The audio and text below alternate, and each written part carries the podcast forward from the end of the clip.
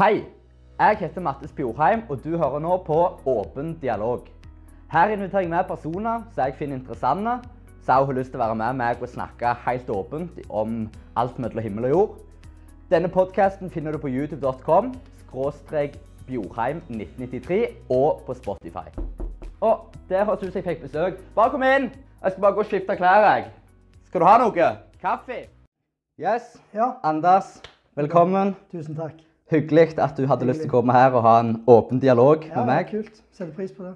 Jeg tenkte at du kunne få lov til å introdusere deg sjøl. Navn, hvor du er ifra, hvor gammel du er, parforhold, ja, generelt. Ja, jeg er Anders Netland, født og oppvokst i Egersund.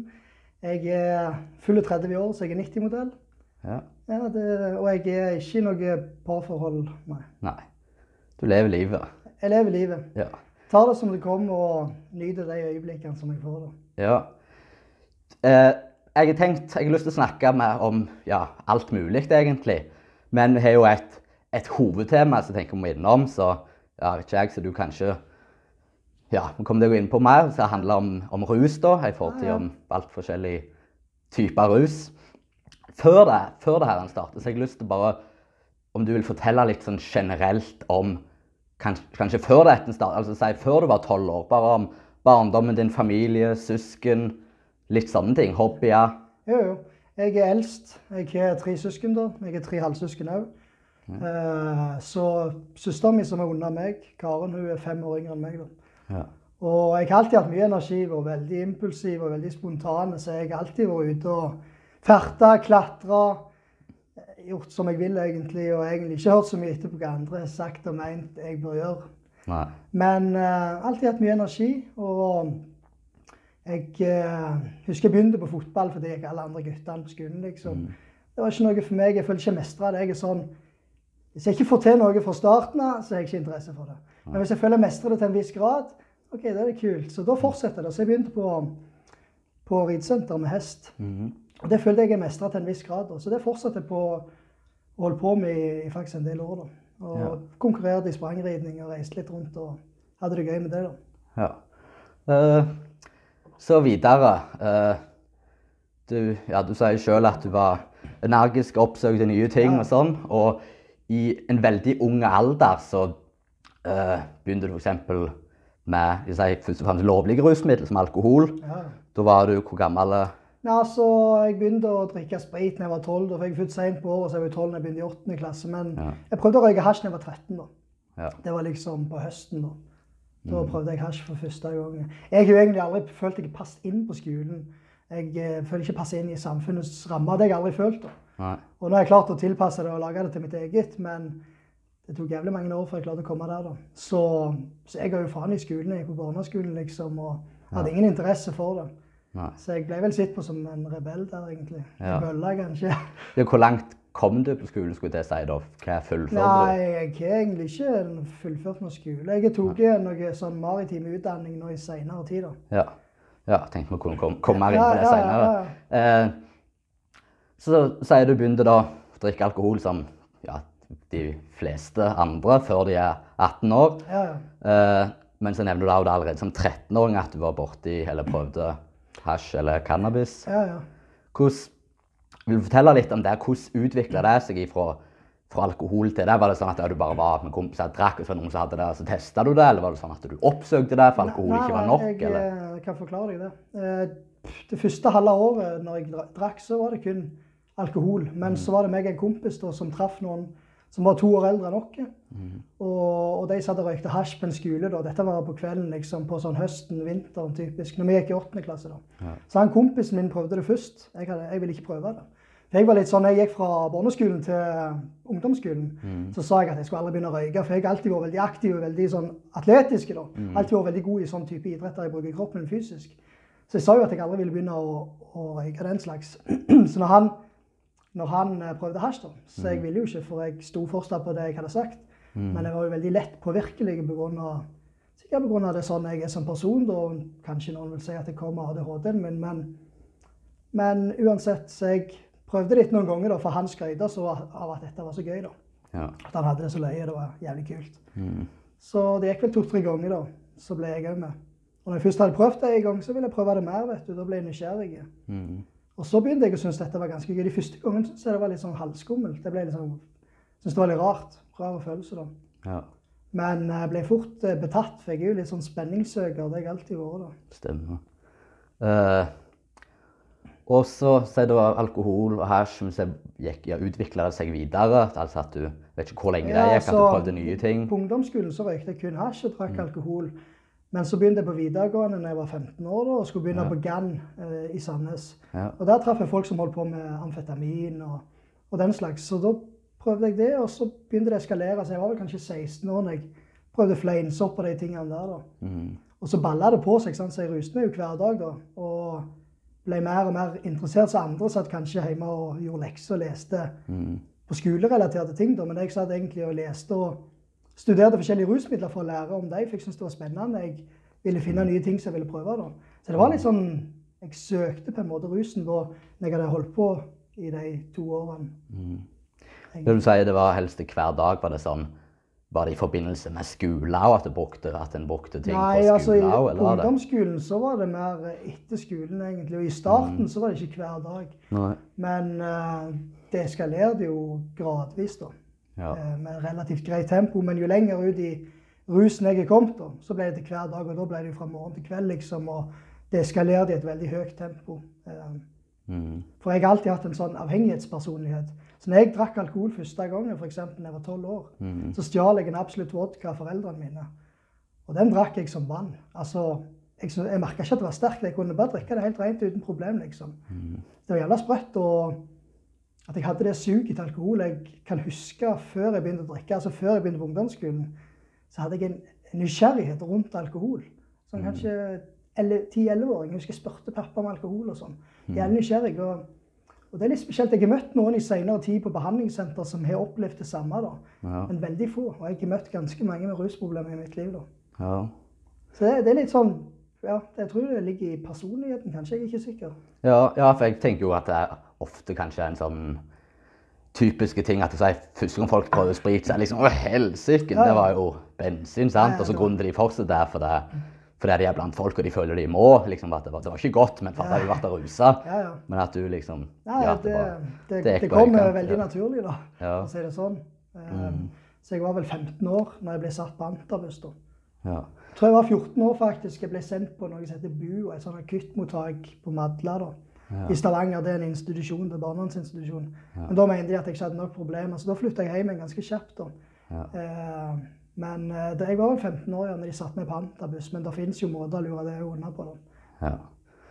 Um, et- angående forskjellige typer rusmidler. uh, jeg hadde kanskje inntrykk av av det litt jeg hadde satt meg inn i, at du måte typisk var rusmiddel for å oppsøke si, en godfølelse. Men så nevner du også at du, du har tidligere prøvd forskjellige psykadelika, sånne Ja, ting òg. ja, ja, altså, eh, når jeg hadde fått eh, smaken på rusmidler, da, mm. så søkte jeg jo for jeg er en spenningssøker. Mm. Og det har jeg alltid vært. Det er jeg fortsatt en dag i dag, bare nå søker jeg spenning på andre måter. da. Ja. Men det var jo for jeg var nysgjerrig, og, og rusmidlene sant? det er jo med å, å vekke og trigge følelser som du kanskje ikke klarer å kjenne på samme måten hvis du ikke ruser deg. da.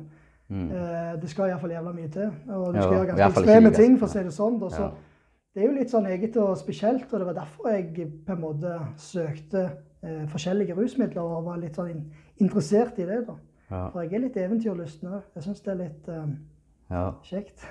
ja.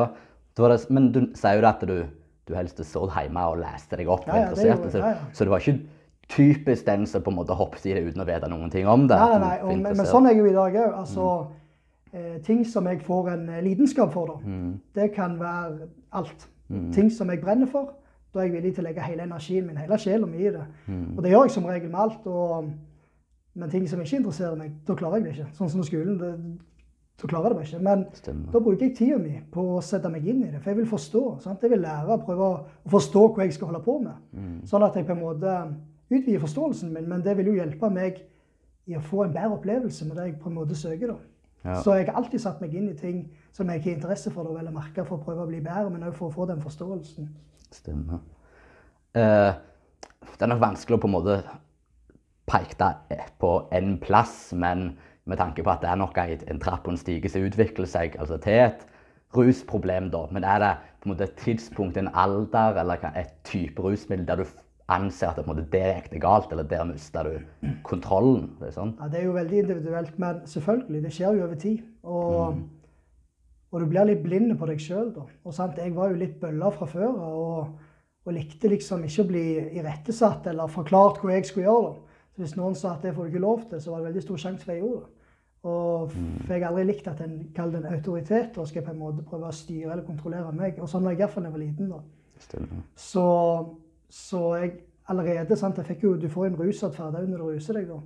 Så alt det har jo vært med å påvirke meg. Og når du gjør det over tid Det er akkurat liksom alt du holder på med, når du gjør det med regelmessighet eller kontinuiteter, så, så, så skaper du deg noen uvaner eller noen mønstre da, sant, som det er veldig lett å følge. Og de vil jo på en måte eskalere over tid. Det er iallfall veldig stor sjanse for det. Og det var jo det de gjorde med meg. på en måte.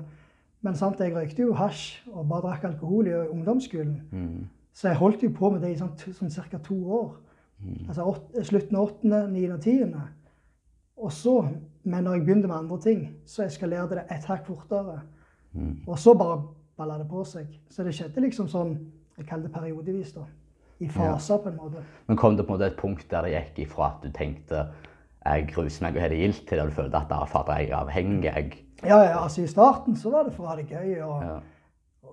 For det var gøy. Det var gøy i mange år, liksom. Det kommer men, eh, det kommer med en sideeffekt, og det er en bivirkning. Og i hvert fall når du holder på i det lengre løp. Du gjør kanskje mange dumme ting òg, vet du, så du får problemer med kanskje loven og sånn. Og det kommer jo med, med en pris, det òg, men sånn generelt sett så kan du jo få Du får jo veldig stor sjanse for at du får depresjon, angst og de tingene der når du ruser deg lenge på mye forskjellig. Ja. Og det var jo noe jeg opplevde, men eh, det tok sin tid før jeg opplevde det, altså. Ja. Det var ja, mange år På hvilken måte opplevde du angst og sånn, da? Nei, det var jo når jeg hadde rust meg i såpass mange år og gjort såpass mye dumme ting, da, at, da, at da kjente jeg det påvirka meg. Men for andre igjen så kan det kanskje skje veldig fort. Ja. Men på meg så tror jeg ikke jeg merka det før jeg var sånn typisk 19 år. Nei. Og jeg så jo ikke konsekvenser i det jeg gjorde. liksom det. Jeg måtte bli litt voksen før jeg så det. altså. Ja. Var det i form av hva da, å treffe folk, eller hva? hva Ja, altså sånn Jeg har jo aldri hatt angst utenom eh, eh, av konsekvenser av rusmidler. Ja. Men det var egentlig når jeg begynte med Jeg hadde brukt mye speed og piller og de tingene der, benzo, som folk får mot angst. Mm. At jeg merka at det genererte mer angst over tid. Og, og når du legger sammen det med de dumme tingene som du gjør og sier i fylla, og, og de tingene der òg Jeg har gjort ganske mye ut av meg òg. Mm. For jeg ble jo litt ekstrem, iallfall når jeg rusa på de tingene. Det var iallfall det før, da. Så jeg tror det var en sånn samling, rett og slett i suppa, det, da. Men det, jeg likte ikke å gå blant mye folk hvis jeg var skral i nervene. Jeg måtte helst være rusa, liksom. Godt rusa, da. Ja. For å gjøre det. og- Men det var generelt den angsten på alt det dumme som jeg gjorde og sa. Og det å gå blant folk, så jeg Ja. Det var jo det. En, en blanding av det, rett og slett. Ja. Så du nevner ja, negative bivirkninger i form av kanskje angst, kanskje at Ja. du ja, ting du sa eller oppførsel, vet ikke, familie eller de rundt deg. Uh, så har jeg fått med meg et par sånn andre ting òg. Så negative ting som oppsto i forhold til Du snak, snakket om at du røyk ei scene i en fing og Jo, jo, det- sånne ting. Det skjedde jo eh, da jeg var sånn 15-16 år. Jeg hadde kanskje akkurat begynt på videregående. Og det var, det var på en fest. Og da var jeg jævlig fotle der og litt hissig. Og så lå det ei flaske på bordet. Så slo jeg hånden sånn, så knuste flaska. Og da røk jeg scenen i lillefingeren og fikk ett til kutt. da. Så da, da gikk jeg med sånn skinner i tre, tre måneder faktisk på hånda. da. Så da var det, da var det mor mi som kjørte meg inn på sykehuset. da. Så opererte jeg neste dag. Ja, For jeg fikk ikke operere siden jeg var da. stemmer. Og så gikk jeg med den skinna i tre måneder, og etter jeg hadde tatt av den skinna, så røk jeg pulser og da, eh, fikk kutt i arteriet, da. Og det var òg på en fest i Egersund, og da datt jeg ned i trapp, for da var jeg jævlig skjenkte. Jeg husker jeg var den første som kom på festen, sikkert på formiddagen. Så hadde jeg med en sånn halv liter med Vikingfjord. Og den flaska drakk jeg i en slurk. altså når jeg åpna korken, så drakk jeg hele rent. Og så husker jeg jeg ble dritfull, og så husker jeg ikke mer. Men senere på kvelden så har jeg fått mer drikke, selvfølgelig. Det var kun det jeg hadde med meg. Så jeg ble skjenkt med en gang jeg drakk opp den. Og på kvelden så datt jeg ned i trapp med sider i hånda. da. Og da knuste den jeg traff bakken. Da fikk jeg kutt i arteriet da. Og ja. Mm. Og bare med samme inne på historien, det var en del som jeg var litt nysgjerrig på. Du nevnte at du hoppte og skada anklene dine. noe. Stemmer, ja. Og det, det var jo noen år seinere. Da var jeg eh, jeg tror jeg, var, jeg tror jeg var 20 år da. Jeg var 20. Og da var vi på en uh, bryggefest. Så var det, var det et sånt høyt fjell, da. Uh, hvor mange meter det var, jeg vet ikke, men det var iallfall høyt. For jeg vant med å hoppe litt og klatre og sånn. Så var det en kompis av meg som snakket om han skulle hoppe ned der. Men så gjorde han det ikke. Så tenkte jeg fuck it, jeg skal gjøre det. Så jeg gikk opp der og hoppet ned, og fjellet går litt sånn skrått, og så lander du på betong der på ei brygge. Så når jeg hoppet, så fordi om jeg dempa med, med kroppen eller beina, sånn som jeg alltid gjør, det, da, så var det jævla høyt, så var jeg litt eh, rusa i tillegg. Og da, da resulterte det i at jeg forstua begge anklene, og legen som eh, håndterte meg, da, eller tok imot meg, sa at jeg var griseheldig som ikke knuste hælene mine. da. Så men da, da kunne jeg ikke gå på en måned, så jeg satt hjemme i sofaen den måneden og jeg husker kompisene mine ja, handla eh, både øl og, og mat og rusmidler og sånn, så jeg satt bare hjemme og i sto- stone, steiner liksom i en sofa. da. Stemmer. Så, men kroppen min alltid henter seg inn igjen, så jeg er jo selvfølgelig jævla glad for det. da. Eh, den har vært mye, men den eh, akkurat sånn helbreder seg sjøl, faktisk. Det er Ja. ikke tull, så det er kult. Ja. Du nevner òg at det en ting er jo hva skader det kanskje har på deg og folk rundt deg, men at det kan òg ja, oppstå problemer med, med loven, da. Ja, ja, selvfølgelig. Uh, og da har du sittet inne i fengsel. Ja, jeg har jo det. Uh, er det er det én dom, eller har du vært flere ganger? Eller Jeg har vært to ganger. ja. Ja. Så første gangen så havna jeg på Åna, her ganske nærme her du bor. ja. Og så en gang seinere, ja. Men det er jo, det er jo ei suppe av alt det som en gjør. Altså, alle konfirmasjonspengene mine gikk i bøter, liksom. Ja. For jeg gjorde så jævla mye dumme ting. Knuste ting i fylla og hærverk. Ble tatt med sånne små doser med rusmidler, så får du ei bot her, ei bot der. Så det var det konfpengene mine gikk til. Så jeg fikk tidlig problemer med politiet, liksom. Det var, det var vanlig. Mamma sa faktisk når jeg var sånn 16 år Jeg begynte jo på institusjon da jeg var 17, da. Fra jeg var 17 til 18. Men da, da hadde jeg en periode der mamma skrev ned over 30 tilfeller da at jeg lå i fyllearresten. Som enten var det 15- eller 16-åring. Og det er jo Ja. Så det var nesten hver helg, liksom. Stemmer. Ja. Det var det Vil du fortelle noe om liksom, hva, hva var dommene? Hvorfor så du inne? Var det i form av altså, besittelse og sånn, eller? er det? Det er, jo, det er jo rusmidler som er relatert, eller gjort at jeg er sittet inne, ja. Mm. Det er det jo. Det er jo dumme valg som en gjør, ruser, som kan gå utover andre mennesker, og besittelse av narkotika. Ja. Så ei suppe av mye forskjellig, og en stjeler ting og sånn, så blir det ei, ei remse av det, da. Stemmer. Du var, ja, så på Åna, sa du. Du var innom Sandøy. Ja, så jeg var jo på Finnestad òg, og så har jeg vært på en plass som heter Bastøy, da. Som ligger i Oslo, i fjorden der. Og det var der jeg tok den maritime utdannelsen som jeg fortalte deg om litt i stad.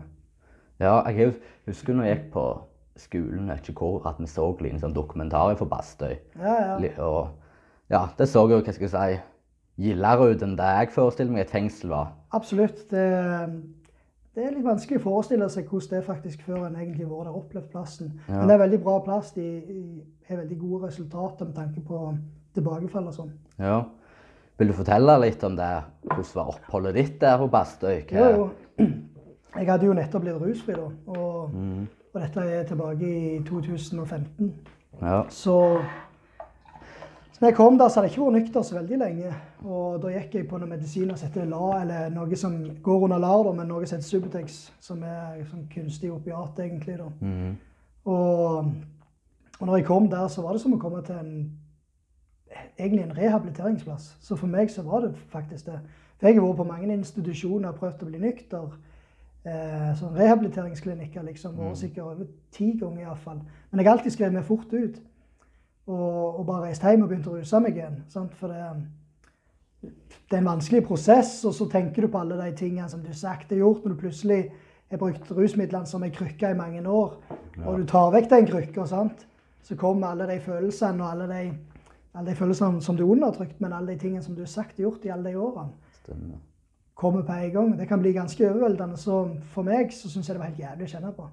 Så jeg følte meg helt mislykka, vet du, og det var derfor jeg hele veien gikk tilbake til rusen. Men på Bastøy så Jeg vet ikke. Jeg hadde kommet litt lenger, da, for jeg hadde allerede prøvd jævlig mange ganger.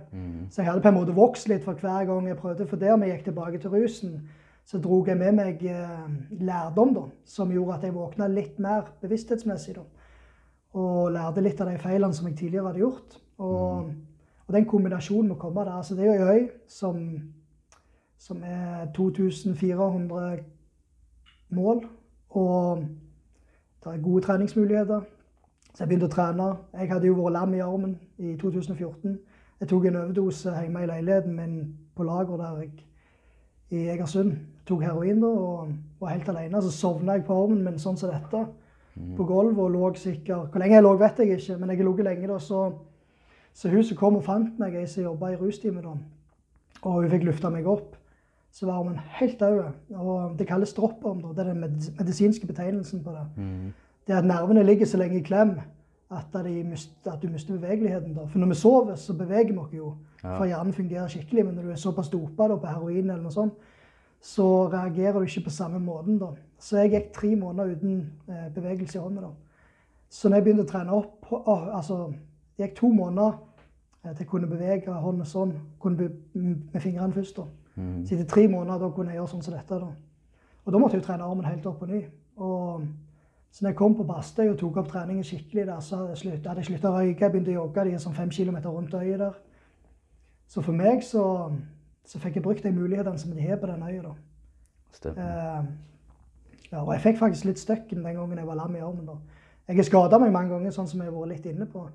Men den gangen da var jeg jævlig redd. For, for jeg var litt sånn Først så tenkte jeg jo blir jeg god igjen. Men jeg er veldig optimistisk. Jeg tenker alltid når jeg skal ha til meg, uansett hvor jævlig jeg har det, uansett hvor livet har plassert meg, uansett hvor jævlig mye problemer jeg har hatt, så jeg har alltid tenkt at det vil gå bra.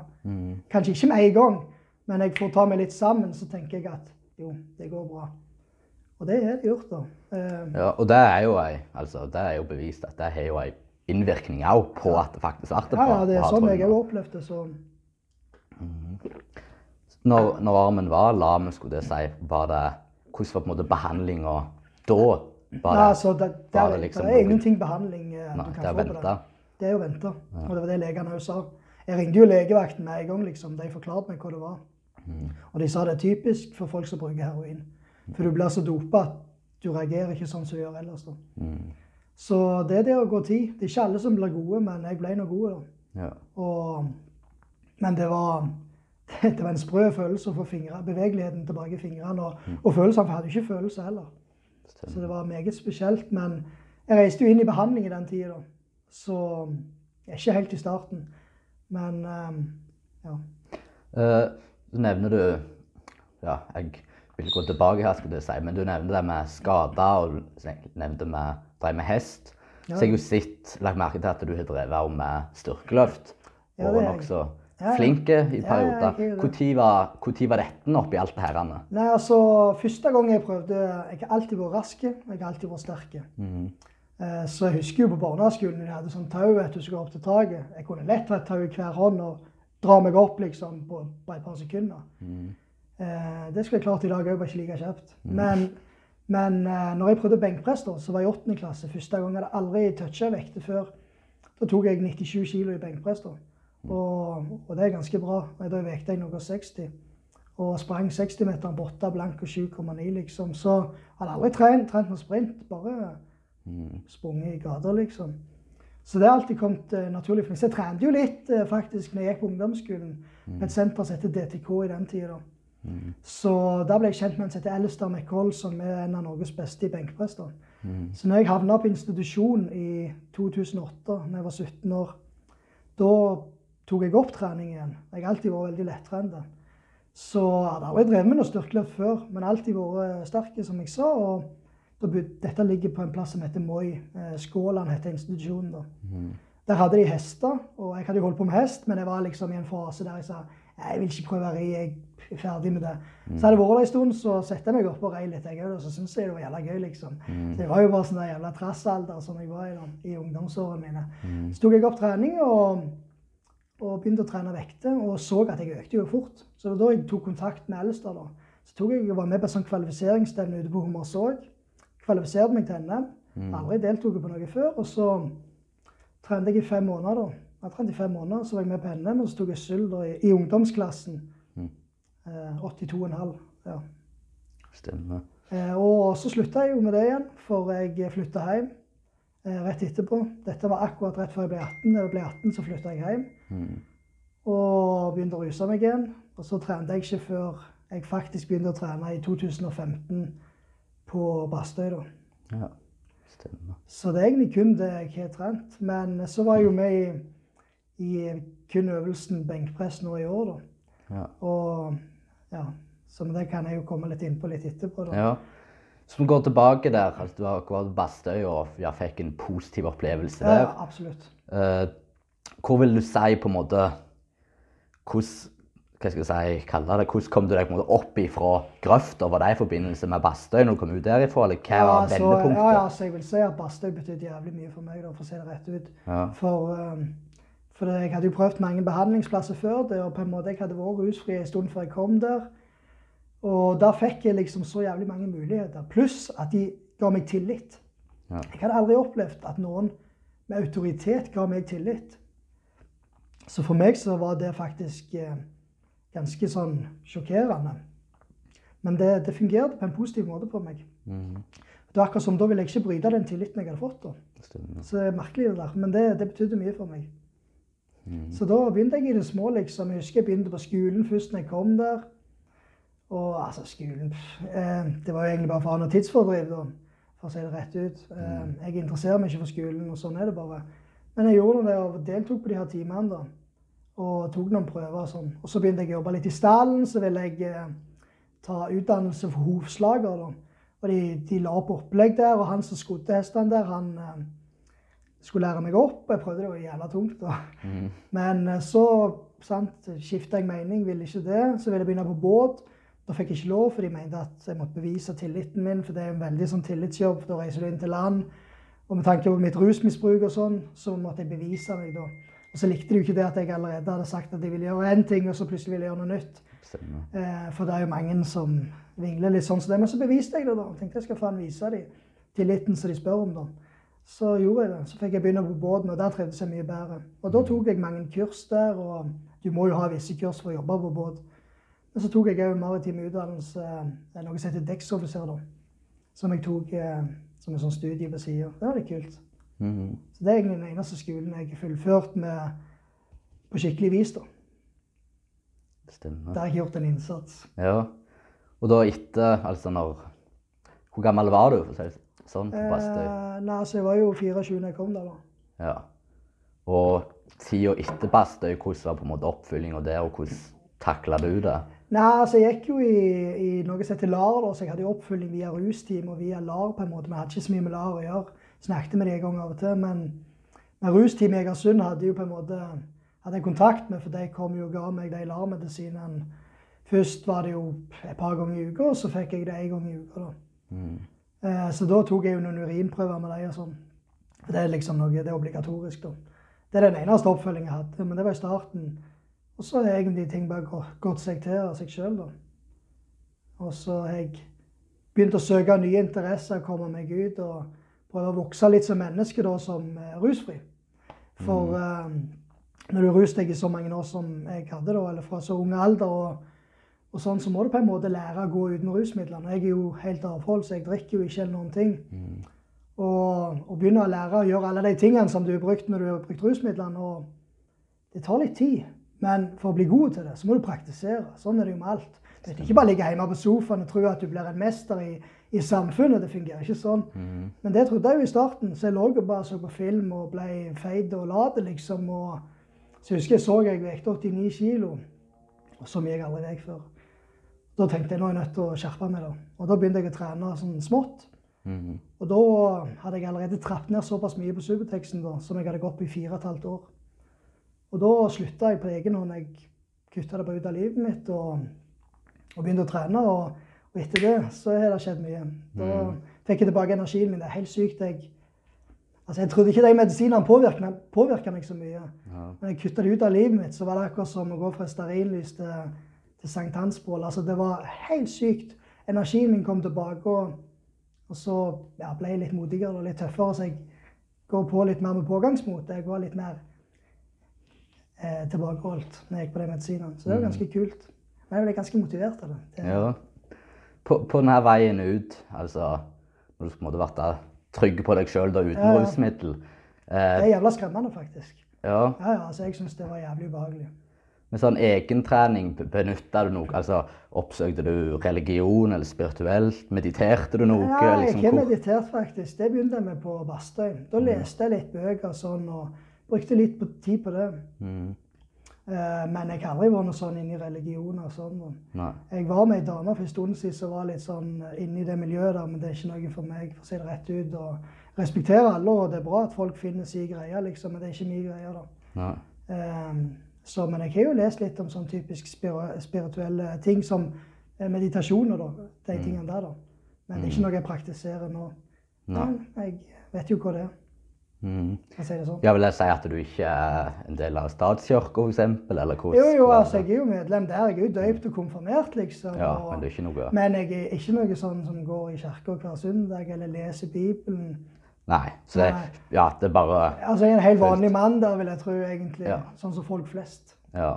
Jeg har jo, personlig så har jo jeg ja, tidligere si, prøvd å være kristen og liksom oppsøkt Vært på leir og liksom ønsket det. sant? Du vil, Ja, ja. skulle ønske at det var en gud en himmel, men jeg har jo i seinere tid gått vekk, og det er ikke mer enn et par måneder siden jeg på en måte ja, gikk, tok grep og meldte meg ut av statskirka, for jeg ikke ja. ønsket å være en Jeg del av tenker det. Hvis en prøver noe over tid, da, og en ser at dette er ikke noe for meg, da er det ikke vits å prøve mer. Da sløser en tida si.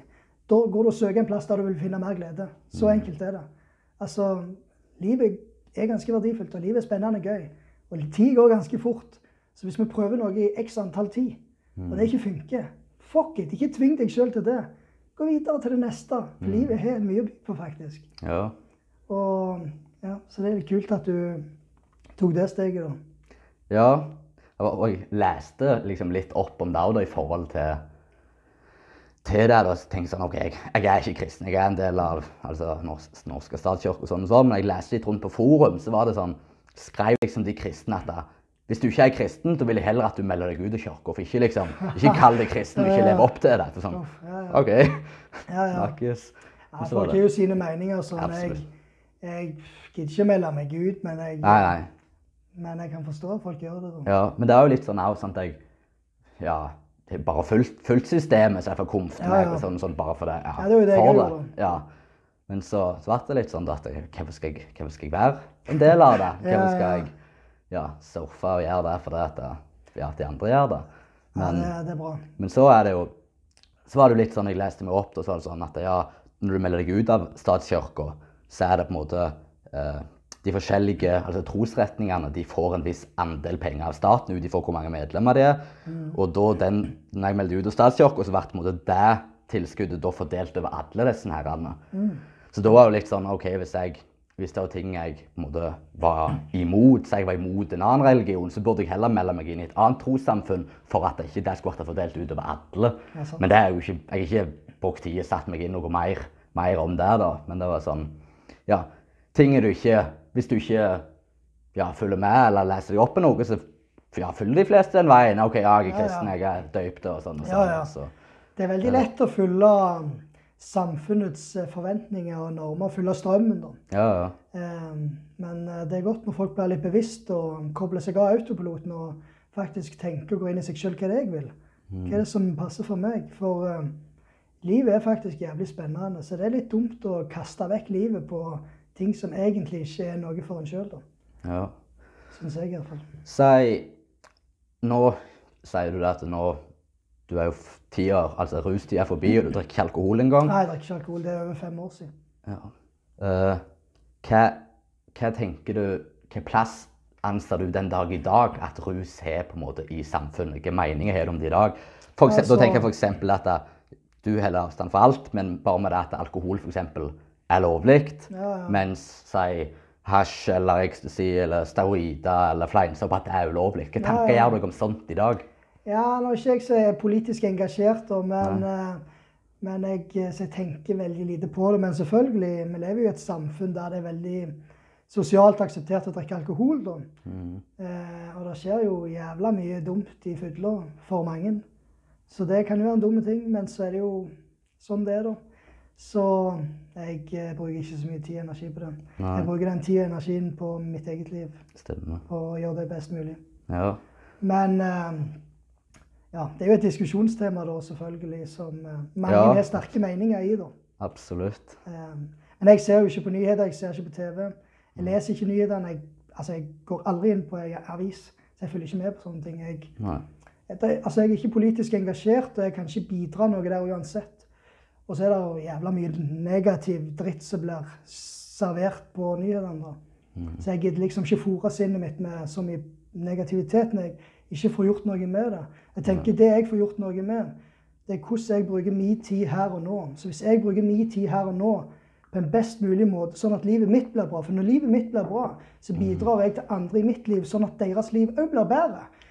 Men hvis jeg ser på masse negativ dritt som faktisk påvirker energien min i en negativ retning, sånn at jeg kanskje begynner å tenke litt negativt og få medfølelse for de stakkarene som opplever den elendigheten som blir vist. For det gjør jeg, for at jeg er en sensitiv person. Det er jo jævla trist, for da har ikke jeg den samme positive utstrålingen til de rundt meg som jeg har hvis jeg tar og gjør de tingene som jeg liker å gjøre, og skjermer meg litt for det som blir servert i, i verden. Så, men hadde jeg kunnet bidroge, og det var der fokuset og engasjementet mitt lå, selvfølgelig så har jeg gjort det. Men ting jeg ikke får gjort noe med, bruker ikke jeg tid på. Det har jeg lært meg i livet mitt. Jeg velger å bruke tida og fokus og energien min på det jeg får gjort noe med. Og det skal jeg si deg, det har transformert livet mitt veldig. Eh, Så jeg er veldig bevisst på hva jeg tar inn i livet mitt, og hva jeg bruker tida på, faktisk. Stemmer. For hver eneste lille ting har en påvirkning, i større og mindre Absolutt. grad. Og jeg har jo erfart det, for jeg har erfart det, for jeg har gjort jævla mange dumme ting som gjorde at jeg faktisk ble i stand til å se det da.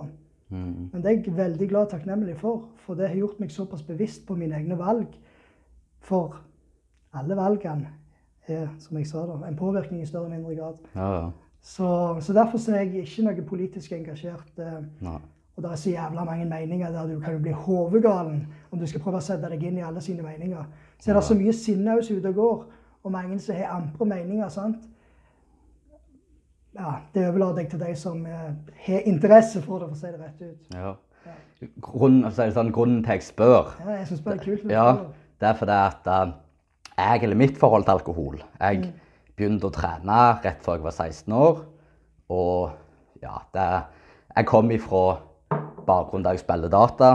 Ikke bare spilte data, jeg levde data.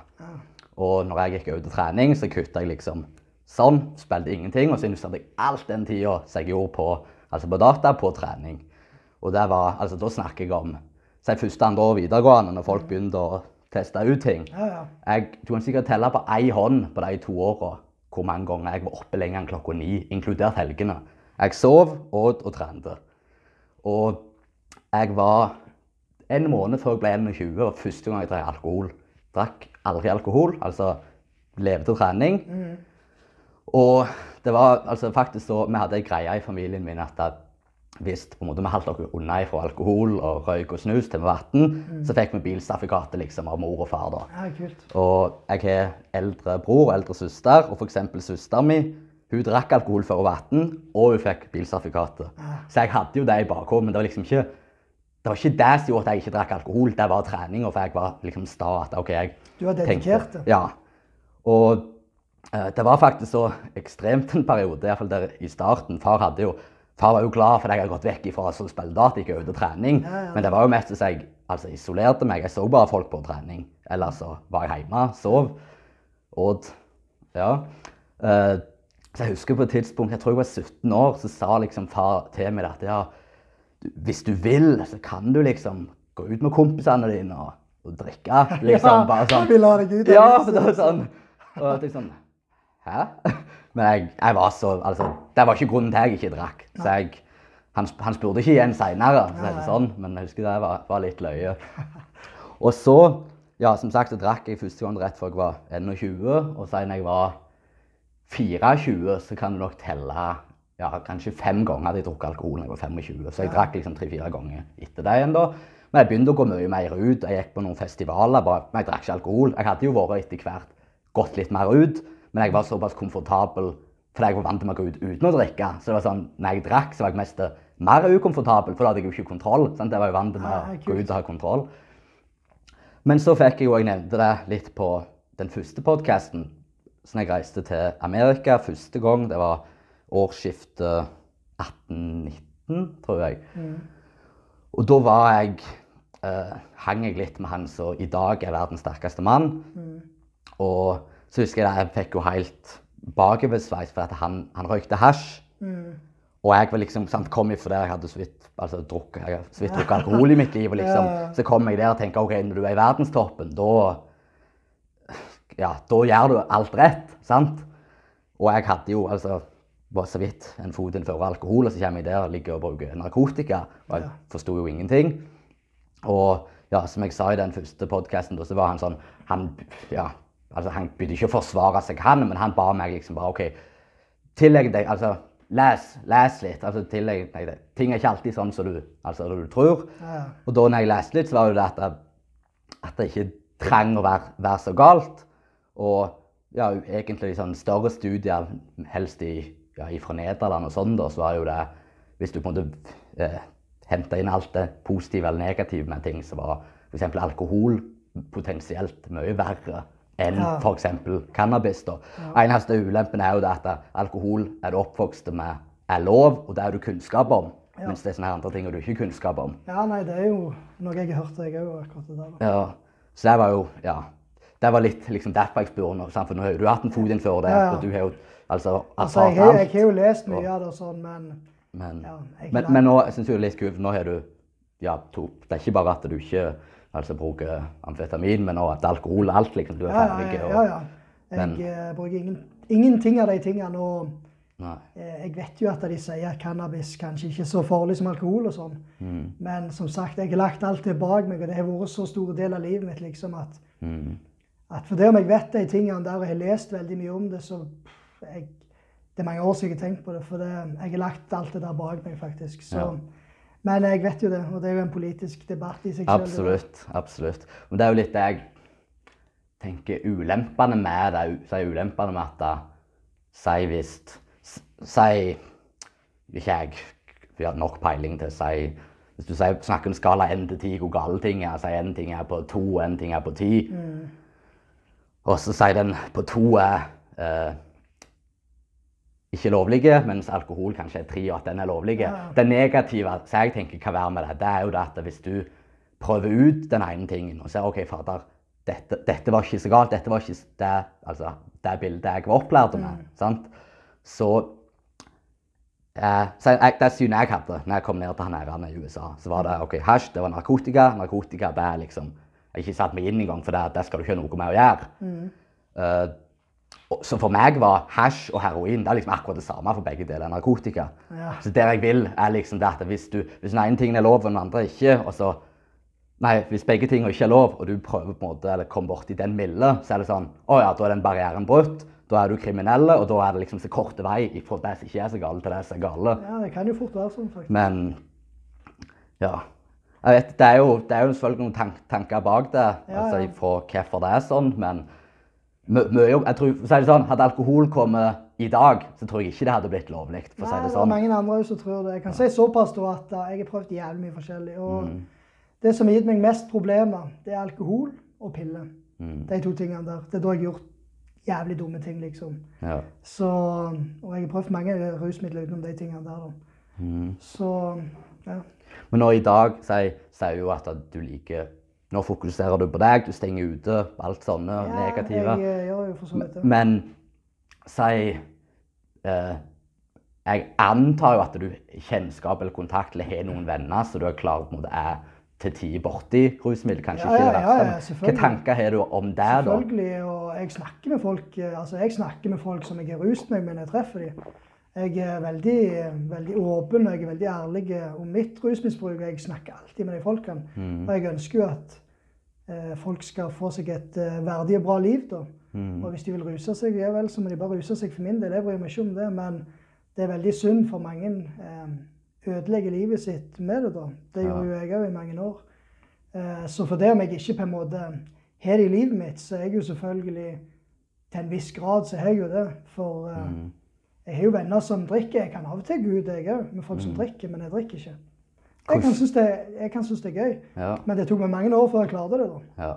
For i de to første årene så sleit jeg jævlig med å akseptere at jeg ikke skulle drikke alkohol, for alle andre gjør det jo. Eller de fleste iallfall. Men så når jeg kom over den kneiken der, så tenkte jeg at nei, faen, jeg kan aldri gå ut med folk som drikker. Men så syns jeg at det var jævlig begrensa måte å tenke på. Tenkte jeg, hva faen, liksom? Eh, den yngre versjonen av meg sjøl skapte såpass mye problemer for meg. Og så sitter jeg her og nå og holder meg sjøl tilbake for noe som den yngre versjonen av meg sjøl gjorde. Ja. Det er ikke rett. Ja. Og da tenkte jeg nå må jeg faen skjerpe meg. Så da begynte jeg å eksponere meg sjøl for det som før var et problem. Ja. For å mestre det. For å vise at jeg er sterkere. Og så har jeg jo sett at det er ganske kult. ja. Så, men det tok meg lang tid da, egentlig å komme til det steget der. Stemmer. Uh, si jeg, jeg snakket Jeg prøvde å oppsøke altså, Nå skjedde det jo veldig fort at jeg, Ja, ja. jeg kontakta deg at jeg Ja, ordna en til det her. liksom, Ja. så tenkte jeg at jeg, må være- jeg må være litt forberedt. Må vite litt. Så prøvde jeg å finne om vi hadde noen felles bekjente. Så fikk jeg, fikk jeg beskjed om det. At, ja, faen, du og han, da, dere er faktisk litt like, fikk jeg beskjed om. Liksom at på området at Ja, begge, ser, begge, tenker nei, at begge er stae. Ja, vi setter dere mål og grensesettinger, Ja, ja. Og, og vi følger det. Sant? Du Ja. som sier jeg skal gjøre dette, og så ja, så er det sånn halvhjerta. Men han sa liksom at dere begge dere liksom det, Det er Sier det en ting, så, så skjer det, liksom. Lidenskapelig og dedikert. Ja. ja. Men så er jo jeg det at jeg skal si Jeg anser og tenker jo at jeg i dag har det bra. eh, men jeg har jo ikke den erfaringa. Og, og du har det avkommet at du har det strålende og har det Ja, ja. veldig bra i dag. Uh, og i tillegg at du har denne erfaringen rikere, som jeg ikke, jeg ikke har. Men har du si, I denne perioden du var gjennom, du truffet mye folk og sånn, er det folk som du på en måte anser eller tenker seg ikke kommer like bra ut av det? For det kunne jo gått gale, liksom òg. Eh, Selvfølgelig. Altså Det er jo veldig mange som sliter med rus og blir rusfri, men de begrenser seg sjøl sånn som jeg snakket litt om. da. De holder seg sjøl tilbake og sier at faen, jeg kan ikke gå der, for da treffer jeg deg. Fordi altså, når du ruser deg i mange år, så svekker du deg sjøl. Du skuffer deg sjøl gjentatte ganger. Eh, så du kan slite med å se din egen verdi.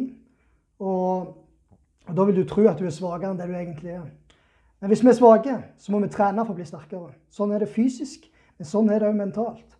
Så hvis du har brødet deg sjøl ned med rusmidler i mange år, du blir rusfri, og du skjermer deg sjøl hjemme i et hus, det er jo en jævla s- trist måte å leve på. For da får du ikke levd livet ditt ut til det fulle. sant? Eh, grunn av noe som du har gjort før. Så for at du skal bli sterkere, blir ikke sterkere av å skjerme deg sjøl og sitte inne. Det gjør du ikke. Du blir sterkere av å eksp eksponere deg sjøl i den graden som du klarer å håndtere det. Og det har betydd jævlig mye for meg. Og det er der jeg ser veldig mange gjør det. De holder seg sjøl tilbake og tror at de ikke kan gå der den og den gruppe mennesker er fordi de er redd for tilbakefall. OK, da vet de at da er det noe de må ta tak i. Hvis du sier til deg sjøl at det er problemet ditt, da vet du hvor du skal jobbe med. Det handler om å ta tak i de svakhetene som vi har, for å forvandle dem til styrker. Og det er det jeg har gjort, men det tar lang tid. og Du må være ærlig med deg sjøl, og du må være modig. Men hvis du har hatt rusproblemer, så har du hatt mange tilbakefall. Sant? Så du kjenner til den prosessen. Hvis du ønsker deg et liv der du vil bli rusfri, så tenker jeg faen heller. Gå all in. Ikke sitt og hold deg sjøl tilbake og skjerm deg sjøl og synes synd på deg sjøl. Eksponer deg sjøl i små grad, akkurat liksom vi trener styrke. Vi begynner i det små, så legger vi på litt og litt og litt. Så kroppen kan bli sterkere. Det er akkurat likt i livet med det mentale. Men vi blir ikke sterkere hvis vi sitter inne og syns synd på oss sjøl og sier 'uff, jeg er, jeg er ikke sterk nok til å håndtere dette'. Og Det er jo akkurat likt med angst òg. Hvis vi bare sitter og, og kjenner på den følelsen av angst, og skjermer oss for det vi er angst for, så vil den følelsen bare bli mer intens. Men hvis vi kommer oss ut i livet og eksponerer oss og ser at faktisk dette tar ikke livet av meg For mange ganger så er det illusjoner som vi skaper i sinnet basert på tidligere erfaringer. Og det er jo jævla synd at vi gjør det. For som regel så er det ikke farlig. Men vi må steppe ut for at vi kjenner følelsene så intenst. Så vi må på en måte bevege oss ut. Eksponere oss for å kjenne på det ubehaget. Sånn er det jo. Vekst kommer ikke gratis, men du må kjenne på det ubehaget, og du må gjøre det som kreves for det. Men det handler om å eksponere seg sjøl. Så det er noe som har betydd mye for meg. Jeg tror veldig mange hadde hatt godt av å gjøre det. Og det gjelder angst òg. Jeg, jeg har som regel ikke hatt noe særlig angst, men jeg hadde angst, som jeg sa, en periode når jeg ruste meg, og når jeg slutta å ruse meg. Så hadde jeg jævlig angst. Altså, Da klarte jeg ikke å se folk i øynene. Mm. Og jo mer jeg skjerma meg på et rom, jo mer kjente jeg på den jævla angsten. Og liksom, Angsten var jo bare illusjoner skapt. altså, Det var ingenting farlig. Så det er helt sykt hvor mye følelser kan holde oss tilbake. Og følelsene og tankene, de kommuniserer. Så hvis vi har jævla mye vonde følelser, mm. så er det veldig stor sjanse for at du har mye vonde tanker. Så snakker du deg sjøl ned i en ond spiral. sant? Så det å bryte den spiralen, det er vanskelig. Mm. Men det er noe som en før eller siden må gjøre hvis en vil få seg et verdig liv. Så er du nødt til å kutte den strengen, du er nødt til å komme deg ut, eksponere deg og trene for å få styrke. Og det er en prosess som krever mye. Du må dedikere deg til ditt eget liv. Det er jo det det handler om. Å bli litt lidenskapelig, få en liten gnist og komme seg ut. Og det, ja, så det, ja. det er noe som jeg tror mange kunne dratt nytte av. Og faktisk, det som er litt kult, er jo at du begynner å se resultater. Så hvis en er litt detaljorientert, prøv å legge merke til detaljer. For vi merker ikke alltid framgang og progresjon med en gang. Men vi merker det over tid. Men du må stole på prosessen, det arbeidet som du gjør. sant? Det vet jo du òg. Vi vet jo at hvis vi planter et frø i jorda, så ikke det er en blomst neste dag. Vi må gi det næring. Altså, vi må gi det energi mm. over tid. Men vi stoler på at det vil komme opp. Og det er akkurat likt med selvutvikling og når vi skal eh, vokse eller bli sterkere. Altså, vi må på en måte stole på prosessen vi gjør, men vi må gjøre det. Det nytter ikke bare å sitte på rauet, for det skjer ikke noe da. Mm.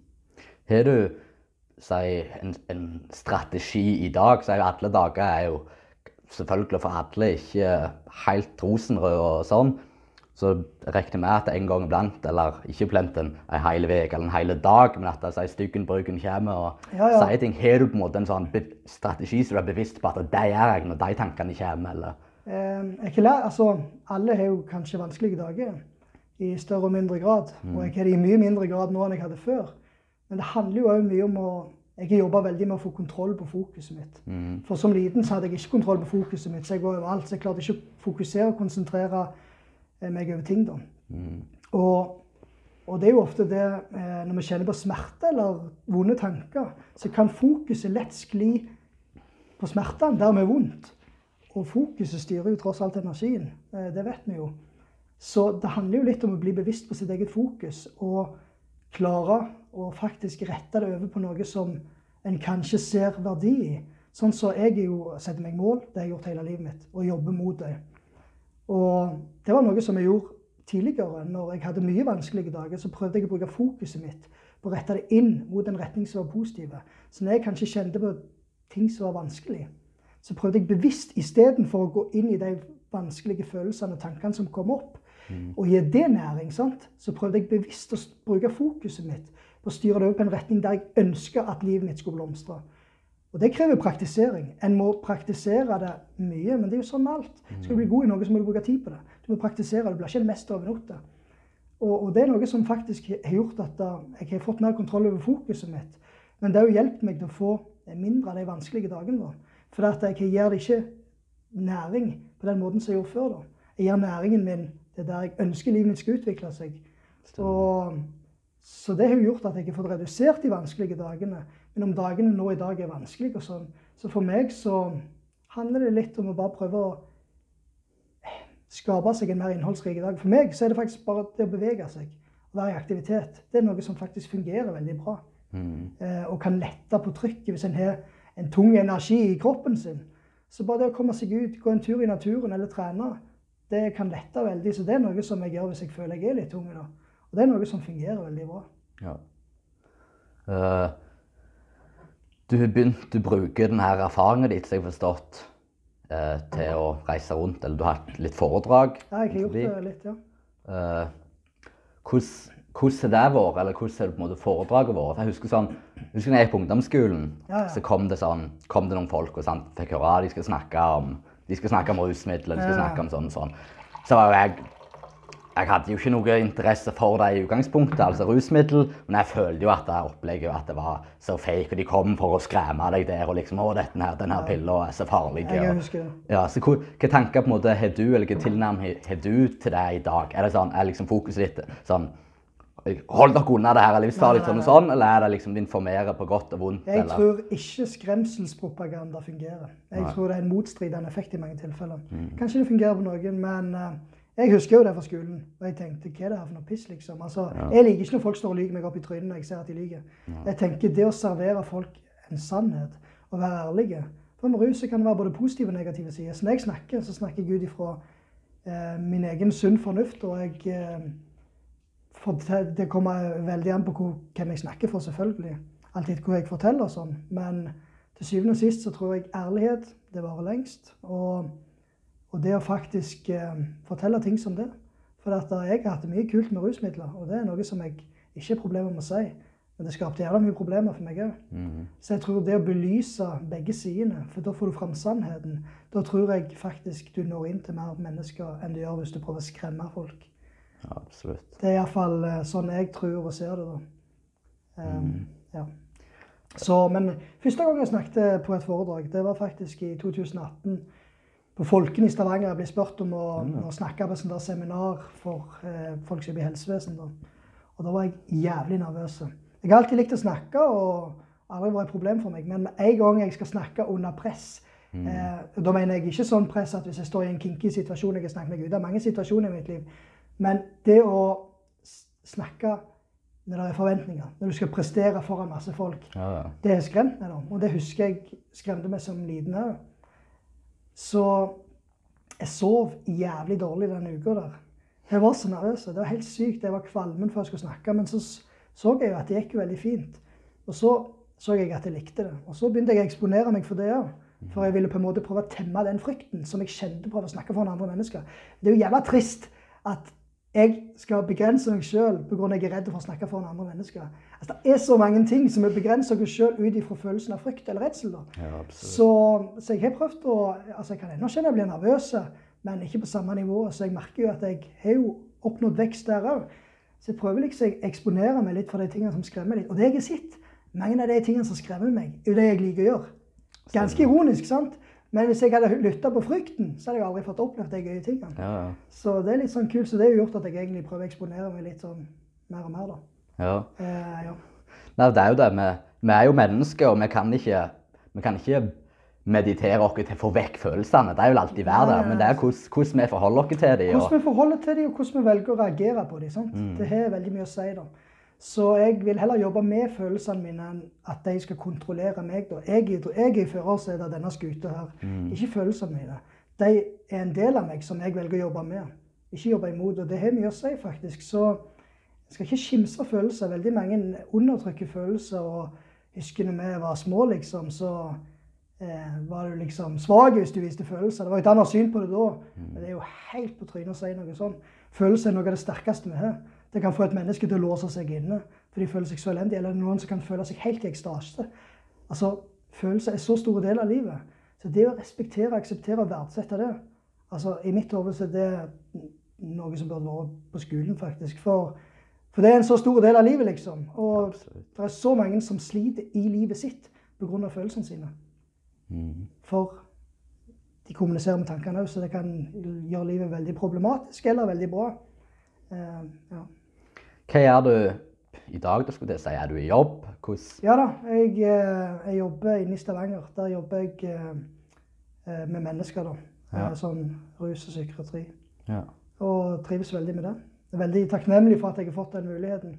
Mm. Så hadde jeg en liten periode der jeg jobba litt på skolen i fjor, da. Men det er jeg ikke nå. Nei. Så, men det passer greit. Ellers så trener jeg. Jeg er aktiv. Jeg er litt på Instagram og mye litt, skriver litt. Jeg liker å skrive tekster. da, vet du. Ja. Så ja, jeg sitter jo og er aktiv i sosiale Ja. medier, spesielt på Instagram. ja, er jeg liker å skrive. Og så liker jeg å snakke litt sånn korte filmer. vet du. Ja, ja. Det gir meg litt glede. Og så vokser jeg litt på det. og Så. Ja, ja det er jo... Intensjonen min er jo at det skal ha verdi og betydning for andre mennesker. da. Så jeg prøver alltid å basere arbeidet mitt rundt det. da. Stemmer. Uh, ja. Uh, ja, for, så for eksempel på Instagram at da, Jeg vet ikke om det var Du var jo ute en tur på treningssenteret mitt og testa ut litt. ja, ja, stemmer, stemmer. Så vet jeg ikke om jeg sjekket deg opp da av den her nysgjerrigheten til mennesker. Ja, hvem er det her? Og så når jeg sjekket deg opp igjen nå, så jeg tenkte jeg det så ut som hadde denne plattformen hadde vokst, tenkte jeg. Ja, At det ja. gått oppover. Så så jeg den her filmen Du hadde en sånn liten snutt som du nevnte nå du var glad, ja, glad i å komme. Der du sa det her med eh, hvordan vi bryr oss om hva andre sier og mener, Stemmer, og at vi liksom begrenser oss sjøl altså ut ifra altså de sier ting. Og det er sånn, begynte jeg å tenke For det er jo sånn til USA standard standard som du hører når du er liten, at ah, han sa jeg hadde stygge tenner. Så sier læreren sånn Ja, men ikke bry deg om hva han sier. Det er sånn, så jeg, ja, så, ja, sant, så jeg ikke liksom tenkte ah, den standarden. Men det jeg likte, det var den avslutninga du kom med, der du sa det at det, som regel, eller veldig ofte av disse tilfellene, så er disse kommentarene av folk du i utgangspunktet ikke liker, eller noe vi Ja. Så liksom folk du ikke vil ha noe med og ikke liker, de sier negative ting, og det tar du til deg. Men andre ting de sier, bryr du deg ikke om, for du vil ikke ha noe med det å gjøre. Det var der jeg liksom For det første du sa var sånn Ja, jeg har hørt det helt siden barnehagen, læreren sa. Men når den der den siste kom sånn Ja, faen, den likte jeg. Så det var sånn det var, jeg prøver å komme med noe sånt budskap, da, eller Ja. sånn filosofier som jeg har, da. ja. Uh, ja. Hva Ja, nå du, jobber du jo veldig mye, som du sier, med det handler om deg sjøl. Du stenger Ja, ute nyhetene og sånn herrene. Jeg er prioriterer rett og slett. Ja. ja. Men det, hva tenker du i forhold til si, standard, standard menneske vil med tida begynne å se på et, altså et kjærlighetsforhold og sånne ting? Er du ennå der at du fokuserer på deg sjøl og jobber med deg sjøl, eller Nei, nei, er du åpen liksom for å Jeg er åpen for det, og eh, ja, det er jeg. Mm. Så, men jeg velger fortsatt å fokusere på meg sjøl og målene mine. Ja, ja. Men jeg kan gjøre begge deler, Ja. selvfølgelig. Og, eh, så ja, jeg, eh, jeg er åpen for det. Og ja. Så ja, vi har lagt bak oss alt, alt ru- rus, skulle jeg si, og nå er det bare positivt. Men hva, har du noe sånn konkrete mål eller drømmer du vil oppnå? Alt i forhold til jobb eller trening eller med sosiale medier? Er det liksom noe sånn du tenker sånn Fader, det det kan jeg love deg at jeg har. Jeg, eh, jeg har en klar visjon på det jeg har hatt de siste årene, men det klarer jeg i dag. mm, Og jeg vil jo heller vise det da enn å fortelle det her og nå først og fremst. Ja. Men eh, jeg kan si såpass at målene mine pleier å skje. da. Det er de Ja. gjort helt siden jeg var liten. Eh, det er bare snakk om tid. Men tålmodighet er jo ofte veien til suksess. Det lærte jeg meg når jeg skulle bli rusfri. Uten tålmodighet så hadde jeg aldri klart det. Så jeg har god tålmodighet til de tingene som jeg legger ned energien min i. da. ja. Men, eh, men jeg har noen planer, jeg har noen mål, jeg har noen ambisjoner. Og jeg har jo selvfølgelig ambisjoner sånn jobbmessig og sånn òg. Som jeg heller vil vise folk med tiden, og jeg tror kommer til å skje. For jeg er veldig dedikert i det jeg gjør. da. ja. Men jeg har jo noen sånn fysiske mål, så jeg eh, Jeg ble jo regionmester i år, vet du. Jeg eh, gikk jo på friidrett i fjor når jeg begynte å trene. Det var i fjor jeg begynte å trene igjen. Når jeg sa jeg vekte 89 kilo da. Så tok jeg tak i trening i fjor og begynte å, så gikk jeg ned 12 kilo ganske kjapt. Det var i begynnelsen, av i april eh, i fjor. da. ja. Så begynte jeg eh, på friidrett og gikk og sprang sprint der. Så kom jeg i kontakt med, med ei som var blant de beste damene i, i Norge da, i sprint. Så hun ga meg et opplegg fra Olympiatoppen som er beregna for gutter 20 år. da. Mm, Og det er jo beinhard trening, så hun sa jeg var nødt til å begynne med styrketrening for å eh, optimalisere hurtigheten min. sant? Jeg springer kjapt, men sant? for å bli kjappere så er du nødt til å begynne å trene styrke. Så jeg begynte på puls da september i fjor. Jeg tror det var i midten, jeg tror faktisk det var 16. september. Og da hadde jeg trent eh, kroppsvekt eh, eh, noen måneder hjemme. da. Så jeg husker første pushupsene jeg tok. Så klarte jeg sånn 40 stykk, liksom. Men så trente jeg det jo. Så da tok jeg jo sånn 10 sett med 50 reps liksom i slutten. da. Så når jeg begynte på puls eh, 16.9., så tok jeg 130, for da måtte jeg teste. vet du. ja. Så tenkte jeg, jeg må se hvor mye jeg klarer. Så da tok jeg 130 og tenkte ok, greit det. Så kombinerte jeg det. Men så var det en som jeg kjenner som er styrkeløfter fra Egersund. som spurte om jeg ikke skulle begynne med styrkeløft igjen. da. Og da sa jeg at nei, for jeg kommer ikke til å klare å bli blant de beste. og da har jeg ikke interesse av å være med. For jeg liker å være først, jeg liker å være best. Og jeg, sånn liker jeg å ha det. Mm, Og jeg liker ikke å henge bakpå. Så jeg gidder ikke konkurrere hvis jeg ikke vet jeg kan vinne. liksom. Men så sier han ja, men du har jo en sjanse i benkpress, for der er du veldig god. For der har jeg alltid vært god. Ja, ok, jeg får se litt hvordan jeg øker nå de her månedene. så økte jeg ganske bra. Så da kutta jeg ut friidretten og kutta ut å springe for å fokusere 100 for jeg visste at det skulle være regionmesterskap i benkpress eh, 8. februar. Og det var jo fem måneder, ca. fem måneder fra jeg begynte å trene sånn som det var i 2008. da. Ja. Eh, Så jeg trente da i fem måneder og deltok på RM i 8. februar i år. da. Og ble regionmester i min klasse. Ble kåret til beste utøver av alle som deltok. Og så satte jeg klubbrekord på Gandal atletklubb. da.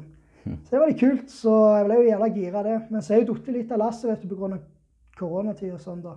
Men styrken er for så vidt grei. Men nå har jeg vært mye ute og reist og hatt det jævla kjekt med noen mennesker som jeg har tilbrakt litt tid med. da. Mm. Så jeg har jo vært mer ute og gått i fjellet og sånn. Men styrken er grei. Så jeg har jo et mål og en tanke om at jeg skal fortsette med det. da. Ja. Eh, For der er jeg eh, relativt bra for meg. Jeg er et stykke unna han som er best i Norge, men jeg vet jeg har mer å gå på. Så jeg vil jo se hvor langt jeg kan dra det. da, Bare for gøy. Ja. Men hvordan har du håndtert den si, koronatida i forhold til trening og i forhold til ellerslivet? Liksom? Nei, jeg, jeg, jeg har jo trent og vært aktiv. liksom, så når korona brøt ut, så var jo jeg Jeg sprang litt sprint, og så trente jeg, dro litt på biler, liksom, og klatra. Mm. trente kroppsvekt i en sånn park med Egersund. Så, så jeg opprettholdt treningen min, liksom. Og jeg er aktiv. Jeg er ganske aktiv nå. Etter jeg begynte å trene igjen og slutta i LAR, liksom, så Mhm. fikk jeg tilbake min egen energi. Så nå er jeg aktiv, det vil jeg påstå. Ja. Uh, litt tilbake til det her med mål. Er det sånn, er det sånn at du har det er nedskrevet, eller tenker du på en måte å gjøre ditt beste innenfor det du driver med og jobber sånn? Eller har du liksom nedskrevet jobbe strategisk mot å oppnå det? Eller? Eh, nei, strategisk, i så fall må det være strategisk på min egen måte. For Ja. Jeg jeg er nok ikke helt sånn Ja, ja, jeg er jo strategisk, men strukturert det vil jeg ikke kalle meg. Eller strukturert på min egen måte. Mhm. Men jeg har det ikke skrevet ned på papir, nei. Nei. Men uh, jeg har det skrevet ned her. Jeg husker jeg ganske, relativt greit, liksom. Så, så jeg har alt lagra i, i hodet mitt. Ja. Det jeg. Og jeg jobber jo selvfølgelig ja, Det meste jeg gjør, er på en måte en del av det som jeg ønsker å gjøre. da. Altså det som jeg ønsker å bygge videre på. Så jeg tror på det jeg gjør, og, og alt henger sammen. eh, For å si det sånn. da. ja. Du sier jo det her med si, trening og interesse innenfor sånne ting. At du, du vil ikke holde på med det hvis du ikke, hvis du ikke er god. sant? Nei, nei. Føler du, Tar du det med deg litt sånn i jobb òg? Du vil prestere i de Jeg liker å prestere, men eh, jeg gjør det ikke hele veien. Nei. Og det er jo noe som jeg lærte i den livsstilen som jeg hadde før. At jeg prøver hele veien å opprettholde en viss balanse i det jeg gjør. da. Mm. For jeg har alltid hatt en tendens til å overdrive jævlig. sant? Å bruke hele tida mi, hele fokuset på den ene tingen, kanskje. Men det jeg sitter, det, det kan bli litt usunt. det. Eh, En viss mengde balanse, da. Det, det er bare bra. Så der prøver jeg hele veien. Så nå holder jeg på med forskjellige ting. Jeg spiller sjakk. Jeg skriver. Jeg lager små filmer. Jeg er med venner. Jeg snakker med folk. Jeg trener, jeg går. Så jeg har en sånn relativt grei balanse i flyten av det jeg gjør. da. Mm. Så jeg er ikke bare på vekter, eller jeg er ikke bare på sjakk. Nei. Det hadde jeg da jeg begynte med sjakk.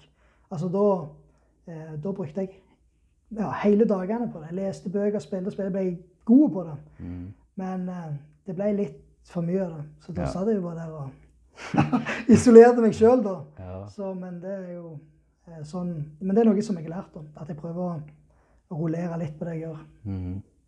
Hvordan til forhold til sosiale medier sånn, det er jo blitt tenker Det er jo en naturlig ting nå når det er, plattformen din har økt, og du har fått altså, det, på jobben du har lagt inn i det, så du får positiv respons med følgere som ser gleden, positiviteten din. Ja. sånn, hvordan, Til grad føler du på en måte klarer å håndtere det?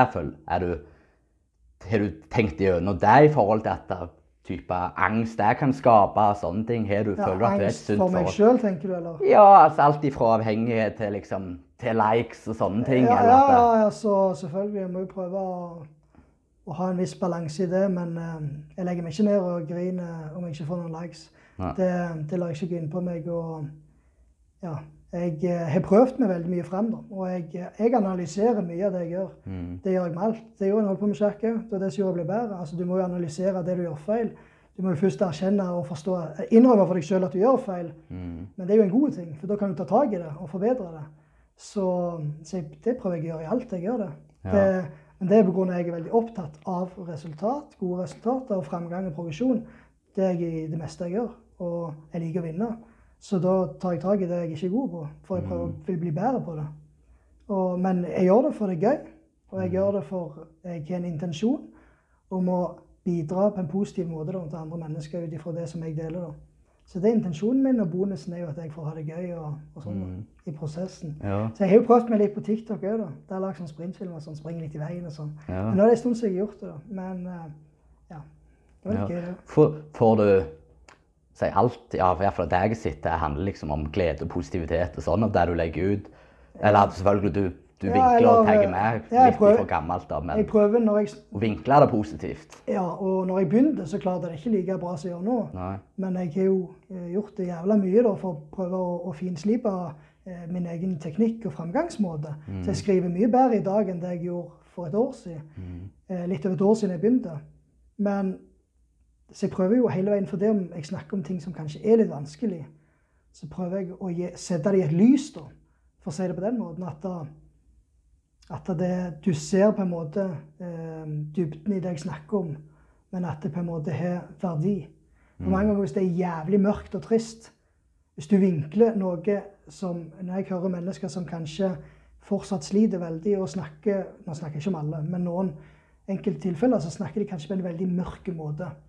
Og da kan du dra folk mer ned enn du gjør godt. da. Men, men jeg sier ikke at jeg vet om det jeg gjør er riktig eller ikke, men jeg gjør det bare sånn som jeg føler er rett. Ja. Så, men jeg prøver hele veien å sette litt uh, lys på det. At jeg prøver å uh, forklare det på en forståelsesfull måte som jeg føler er riktig. Det er jo ikke sikkert det er det, men jeg, det er sånn jeg prøver å gjøre det iallfall.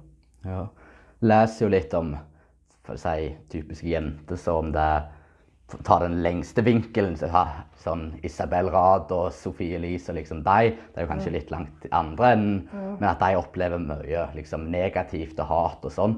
Opplever du noe? Jeg tenker, sånn der jeg så er jo det du legger positivt, men opplever du hat i form av melding eller folk som er Nei, negative? nei, det har jeg ikke opplevd, Nei. heldigvis. Um, Men om jeg hadde opplevd det, skulle jeg håndtert det. Ja. Jeg vet jeg er sterk nok til å håndtere alt livet kaster imot meg. Så Mm. den eksamen jeg allerede bestått og vist, jeg tror iallfall på meg sjøl der, og eh, velge å ta livet som det faller seg. Men jeg har ikke opplevd det til nå. Nå har jeg fått veldig mye gode tilbakemeldinger. da. Folk som faktisk sier at det jeg deler, da, har betydning eller har verdi for dem. At eh, enten inspirerer de eller hjelper de, eller at jeg snakker om noe som faktisk er tilfellet akkurat den dagen de leser det. Og det er jo litt kult, da. Eh, ja, det må være gildt. det, det er jo litt giv, givende for meg, da. Mm. Eh, Selvfølgelig. Har du noe du ellers du tenker du har lyst til å si til, til meg, til folket? Eh, eh, ikke som jeg kom på. Jeg føler jeg har sagt, eh, Ja, sagt ganske veldig. mye. Ja. Så det var en hyggelig samtale. Jeg syns det er kult du har starta podkast, og ja, det syns jeg er bra. ja. Kult. Eh, takk for det. Eh, hvor kan folk se mer av deg? Du har ei hjemmeside. Eh, ja, men den er ikke helt up to date. Det er liksom litt sånn, så det, det trenger vi ikke å Nei, henge oss opp i. Men eh, de finner meg på Instagram. Instagram, det heter du. Anders Gladiator Netland. Ja. Ja. Så det Ellers er jeg jo på Facebook, selvfølgelig. ja. Jeg er på TikTok òg. Der heter det samme som Instagram. Men det er på Instagram jeg er aktiv. og Der prøver jeg å dele noe hver dag. ja. Enten historien eller innlegg. Så hvis de vil se mer av meg, så finner de meg der. Ja, kult. Ja, kult. Takk for praten. Likeså. Hyggelig. Hyggelig. Yes, der fikk vi tømt dere litt. Eh, om du har vært så tålmodig og sett helt hertil, så vil jeg bare si takk. Eh, og håper du fant noe av det vi hadde å si interessant, eh, underholdende, lærerikt, eller alt i sammen.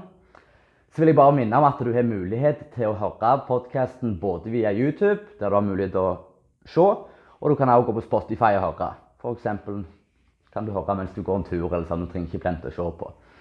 Eh, hvis du har noen innvendinger i form av kritikk eller positiv feedback, eh, noe du syns jeg må være flinkere på, og sånn, så vil jeg at du skal gi beskjed. Eh, er det noen personer du ønsker jeg skal prøve å få med og tok en prat med? Noen tema jeg skal prøve å gå inn på? Da setter jeg pris på om du kommenterer under her inne på YouTube. Kommenter under hva, hva bør jeg være flinkere på. Eller så kan du sende meg en melding. Det samme.